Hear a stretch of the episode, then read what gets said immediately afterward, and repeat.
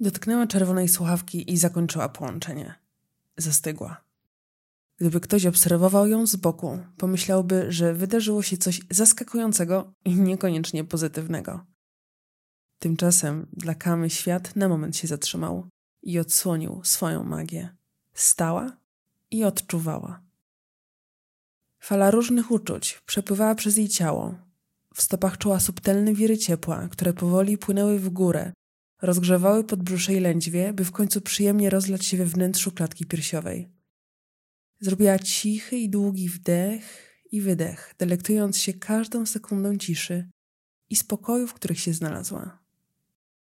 Gdzieś w tle, pomimo że daleko i subtelnie, a jednak czytelnie pojawiały się drobne błyski. Z każdą sekundą wszystko stawało się coraz bardziej jasne. Prawie niezauważalnie uśmiechnęła się do siebie.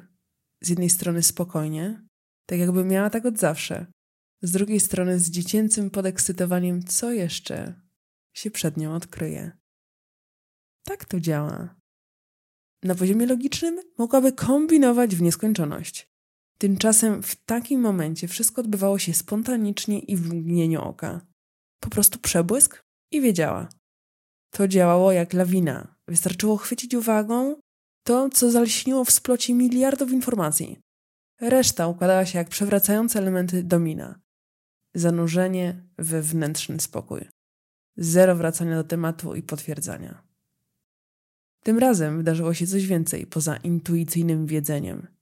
Znów odsłoniła się przed nią jedność z przestrzenią.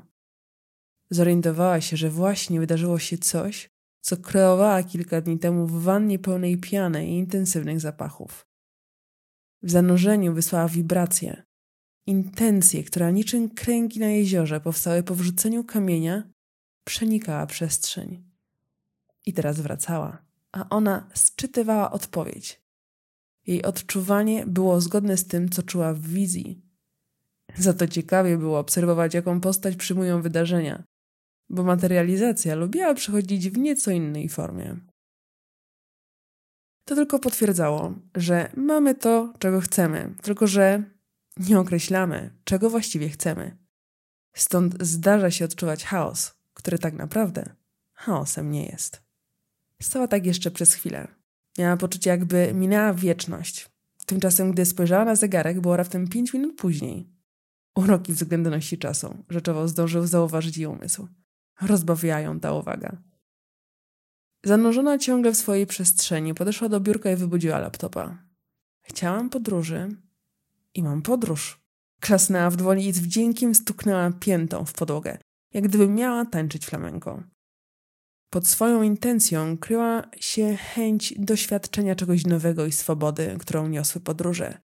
Była zmęczona odhaczaniem kolejnych pozycji z listy, które owszem cieszyły, bo i tak miała kreatywne zajęcia, ale zamykały ją jak w pudełku, ograniczały podobną paletą emocji wywoływanych mimo wszystko podobnymi wydarzeniami. Poczucie lekkości i świeżości, nowe horyzonty, możliwość kreacji ad hoc, niewiedzenie wszystkiego. No i ma to. Kama. Jak dziecko w radości pisnęła, Kama ma to. Zadzwonił jej partner biznesowy, z którym działała 6 lat temu. To dzięki jego zleceniu wtedy rozszerzyła swoją działalność poza Polskę. Po dłuższej przerwie we współpracy niespodziewanie połączył się z nią dziś. Zwięźle opisał ekspansję swojej firmy do krajów azjatyckich i zaproponował zlecenie najpierw w Singapurze.